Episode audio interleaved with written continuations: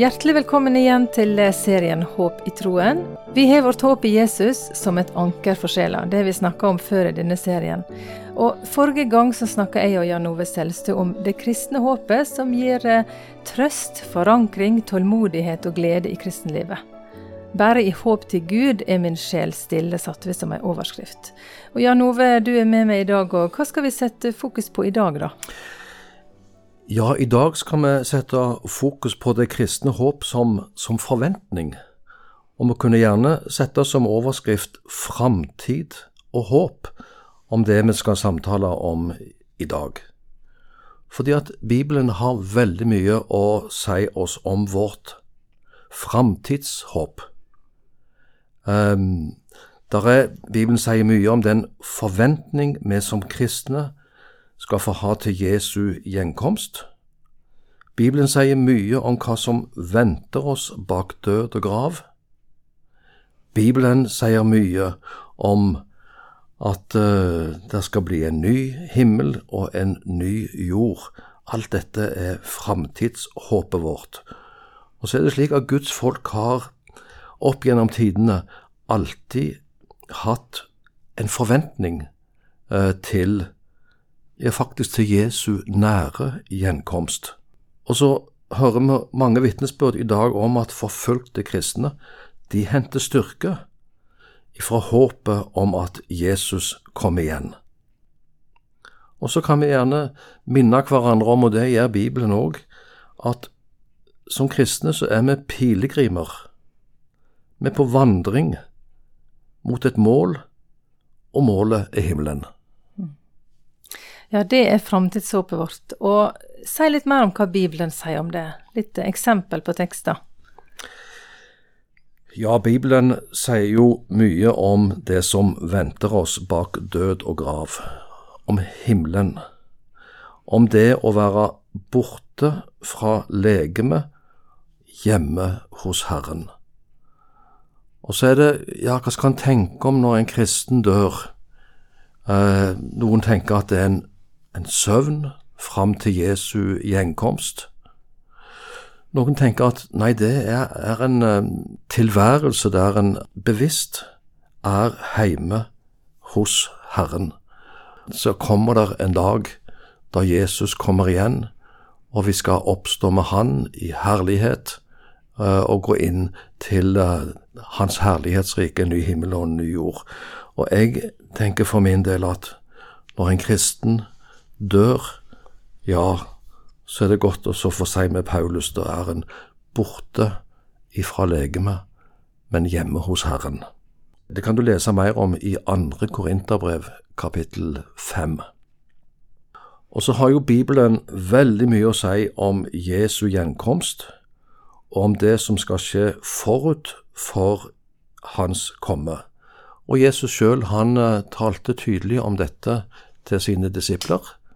Eh, f.eks. i Matteus eh, evangeliet, kapittel 24 og 25. Om de mange tegn som skal gå forut for Jesu gjenkomst. Og så har Bibelen òg en del å si om um, den nye himmel og den nye jord. Spesielt i Johannes' åpenbaring, og spesielt hvis en leser de to siste kapitlene, så skildres uh, den nye himmel og den nye jord. Det er uh, framtidshåpet som vi som kristen skal få se fram imot. Mm. Har dette framtidshåpet noe med kristenlivet mitt nå å gjøre? Ja, absolutt. Og jeg tenker at, um, at det at vi er gjenfødt til et levende håp ved Jesu oppstandelse fra de døde, det, det handler òg om at det gir livet vårt her og nå både, har mest sagt, både mening, både innhold, retning og mål. Mm. Så det har veldig mye med, med mitt kristenliv å få, få leve kristenlivet med en åpen himmel over våre liv. Mm. Men noen kan oppleve det vanskelig, Jan Ove. De kan tenke jeg har ikke en sterk forventning om Jesu gjenkomst, jeg er glad i livet jeg har her og nå, og jeg ønsker å være i lag med mine kjære lengst mulig. Ja, jeg, jeg tenker det er, det er naturlig å være glad i livet. Det er naturlig å være glad i sine nærmeste og ønske å få, å få leve eh, sammen med deg og oppleve barnebarn som, som vokser opp, og, og, og, det å ha livsmot, ja, det er naturlig. Men, men samtidig så, så, så, ligger det i bånn hos en kristen at uh, jeg har et evig håp. Mm. Uh, jeg er en gjest i verden. Jeg er en pilegrim. Jeg har et mål. Og jeg tenker det gir trygghet i uh, kristenlivet mitt her og nå. Så glad i livet, ja. Og det å vite og se fram imot. Det trenger ikke være en motsetning. Mm. Så kan noen eh, si at jeg kjenner frykt med tanke på døden. Hva skal en si til en kristen som kjenner det sånn? På en måte så er det òg naturlig, for Bibelen skildrer døden som den siste fiende. Um, og så spørs det hva vi fokuserer på. Døden blir òg sammenligna med, med, en fergemann som fører oss over til, til over floden, over elven, til løftets land. Um, så, så, ja, en frykt for, for døden, men en trygghet og fred for det som venter bak død og grav. Og jeg tenkte at kanskje dette kunne vi snakke litt mer om i en senere episode. Mm.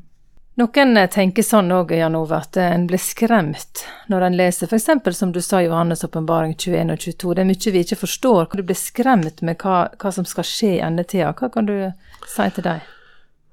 Ja, det er skremmende når, når en leser det det som skal gå forut for Jesu gjenkomst, så er det skremmende. Uh, og, og en kan tenke Hvis dette skjer i, i min levetid, um, ja, vil jeg beholde troen? Uh, skal jeg nå fram? Og, og det er mange sånne urolige tanker som kan komme når en hører om, om, om endetida det som skal skje før Jesus kommer igjen. Så at en blir litt urolig og skremt, det, det er ikke heller unaturlig. Men, men da må vi òg minne hverandre om at, um, at det er noen løfter i Bibelen der Jesus sier at 'jeg går med dere', 'jeg skal beskytte dere', 'jeg skal bevare dere', 'jeg skal lede dere', 'jeg er den gode hyrde'.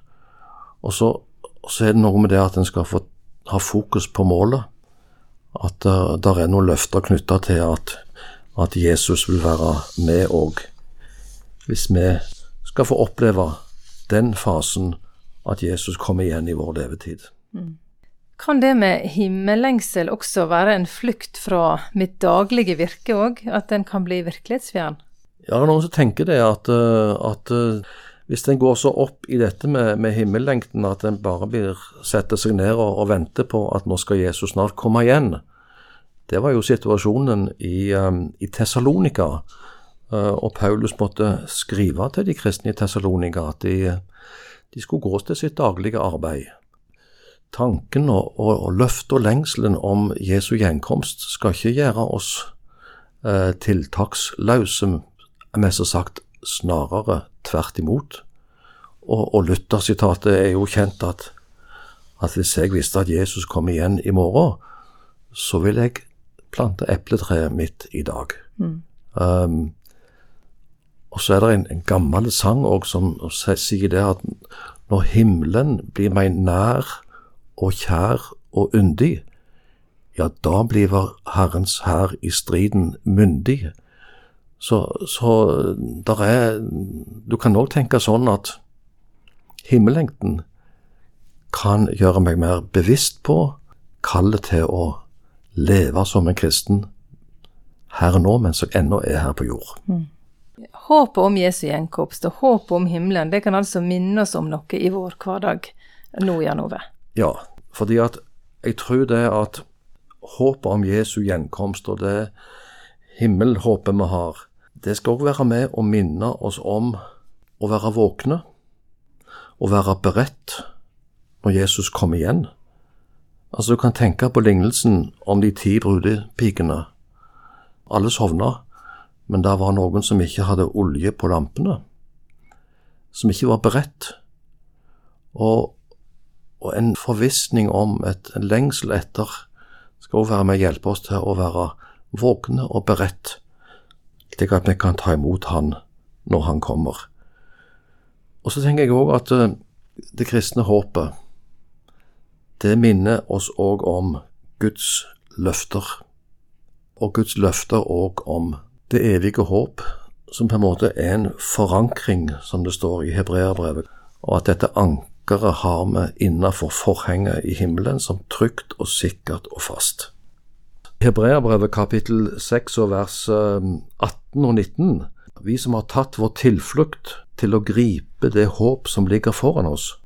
Dette har vi som et anker for sjelen, et som er trygt og fast, og når inn til det innerste bak forhenget, der Jesus gikk inn som ypperste prest for oss. Minne oss om at Guds løfter, de står fast. Og så tror jeg òg at um, en bevissthet om Jesu gjenkomst skal være med å en drivkraft til, uh, til misjon. De gamle sang 'Arbeid for natten kommer' da er det lengre tid.